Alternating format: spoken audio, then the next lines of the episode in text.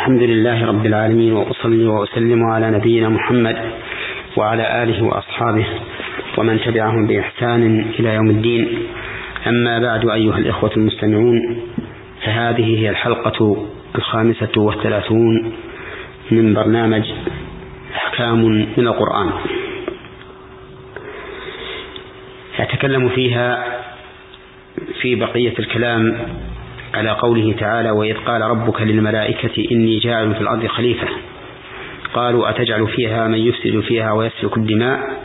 ونحن نسبح بحمدك ونقدس لك. قال إني أعلم ما لا تعلمون.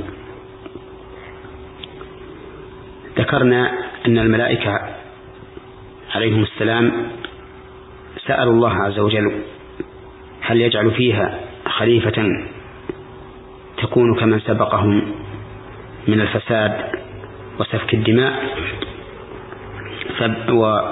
فبين الله عز وجل لهم أنه يعلم ما لا, ما لا يعلمون وأنه لا وأنه سيجعل فيها من تقتضي الحكمة إيجادهم. فقال إني أعلم ما لا تعلمون. في هذه الآية الكريمة إثبات القول لله عز وجل وأنه يقول القول بصوت مسموع وحروف متتالية لأن هذا هو الكلام المعروف في اللغة العربية التي نزل بها القرآن الكريم. وعلى هذا جرى السلف الصالح ومن تبعهم من الأئمة. بأن الله تعالى يتكلم بكلام مسموع بحروف متتالية وأن وأنه يقول كذلك قولا بحروف ومتتابعة وصوت مسموع. والأدلة على ذلك كثيرة جدا. ومن فوائد هذه الآية الكريمة عناية الله عز وجل برسوله محمد صلى الله عليه وسلم وذلك بإضافة ربوبيته تعالى إليه أي إلى الرسول صلى الله عليه وسلم حيث قال وإذ قال ربك للملائكة. والربوبية الخاصة تقتضي عناية أكثر وأتم وذلك أن ربوبية الله تعالى عامة وخاصة فالعامة الشاملة لجميع الخلق.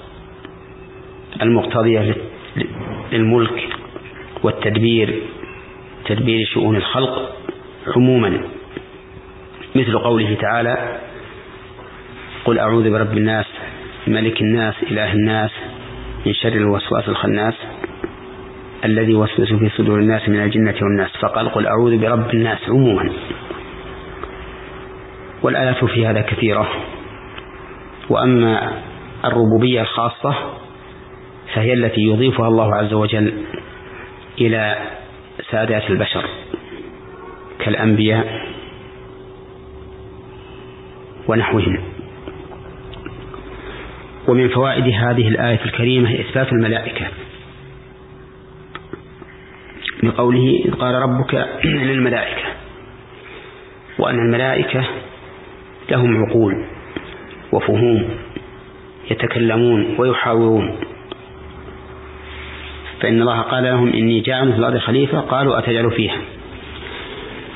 وفي هذا إبطال لقول من قال إن الملائكة عبارة عن القوى الخيرية أو الخيرة وليست أجساما تتكلم أو تسمع فإن هذا قول باطل يرده الكتاب والسنة وإجماع الأمة. ومن فوائد الآية الكريمة إثبات إثبات قيام الأفعال بالله عز وجل. لقوله إني جاعل في الأرض خليفة. فإن الجعل يقتضي إيجادا بعد عدم وهو كذلك. والله عز وجل موصوف بصفات بصفات الذات اللازمة لذاته وبصفات الأفعال المتعلقة بمشيئته وحكمته. هذا هو مذهب السلف وأئمة الأمة. ومن فوائد هذه الآية الإشارة إلى أن للأرض عمارا قبل آدم وذريته. كقوله إني جاعل في الأرض خليفة أي يخلفون من سبقهم. ومن فوائد هذه الآية الكريمة أن الخليفة السابقة أن الأمم السابقين على آدم وذريته كان فيه من الشر والفساد وسفك الدماء ما اقتضى أن تسأل الملائكة ربها عز وجل هل سيجعل في في هذه الخليفة من يكون كمن سبقهم؟ لقولهم أتجعل فيها من يفسد فيها ويسفك الدماء. ومن فوائد هذه الآية الكريمة تعظيم شأن الدماء. ولهذا خصها الله تعالى بالذكر في قول خصها الملائكة بالذكر في قولهم من يفسد فيها ويسفك الدماء. وإلا فمن المعلوم أن سفك الدماء من الفساد في الأرض.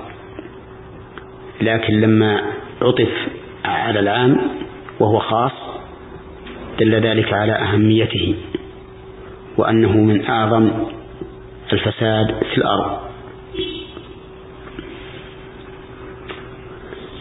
ومن فوائد هذه الآية الكريمة أن الملائكة عليهم الصلاة والسلام قد شغلوا أوقاتهم بتسبيح الله وتقديسه. وتسبيح الله معناه تنزيهه عن كل عيب ونقص. فهو سبحانه وتعالى منزه عن العيوب والنقائص.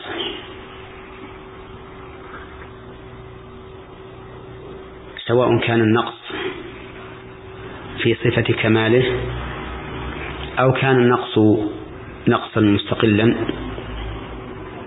وكذلك نقول في العيوب.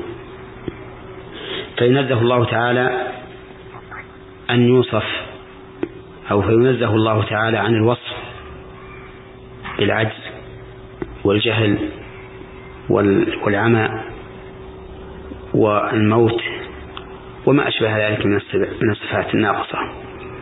وتنزه صفاته الكاملة أن يلحقها شيء من النقص. ولهذا قال الله تعالى ولقد خلقنا السماوات والأرض والأرض وما بينهما في ستة أيام وما مسنا من لغوب. فمع خلق هذه المخلوقات العظيمة في هذه المدة القصيرة لم يلحقه عز وجل لغوب وهو التعب والإعياء. وينزه عز وجل عن مشابهة المخلوقين لأن مشابهة الناقص نقص. قال الله تعالى ليس كمثله شيء وهو السميع البصير. إذا الذي ينزه الله عنه ثلاثة أشياء مشابهة المخلوقين والنقص المجرد والنقص في صفات كمالهم. وقولهم أي الملائكة نقدس لك ولم يقولوا نقدسك.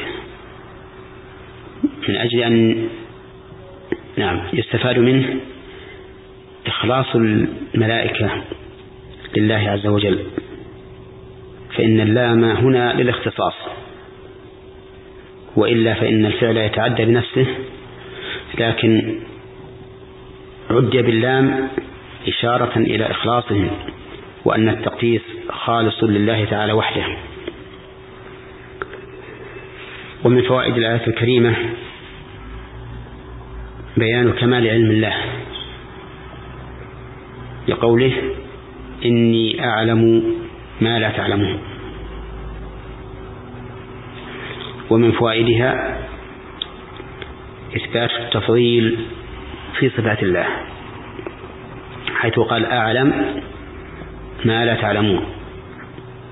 وفي ذلك رد على من إذا مروا على مثل هذه الآية التي فيها اسم تفضيل حول اسم التفضيل إلى اسم فاعل وقالوا أعلم أي عالم. فإن هذا صرف للكلام عن ظاهره بلا دليل وفي نفس الوقت هو تنقيص من المعنى. لأن لأن أفعل التفضيل يمنع المشاركة في الكمال لكن اسم الفاعل لا يمنع المشاركة في الوصف بل ولا يمنع المساواة أيضا والمماثلة. وفي هذا دليل على نقص علم المخلوق. وعلى هذا فإذا أشكل عليك شيء فكل علمه إلى من هو بكل شيء عليم وهو الله عز وجل. واسأل الله أن يعلمك ما لا تعلم وقل رب زدني علما. الحمد لله رب العالمين وأصلي وأسلم على نبينا محمد وعلى آله وصحبه أجمعين.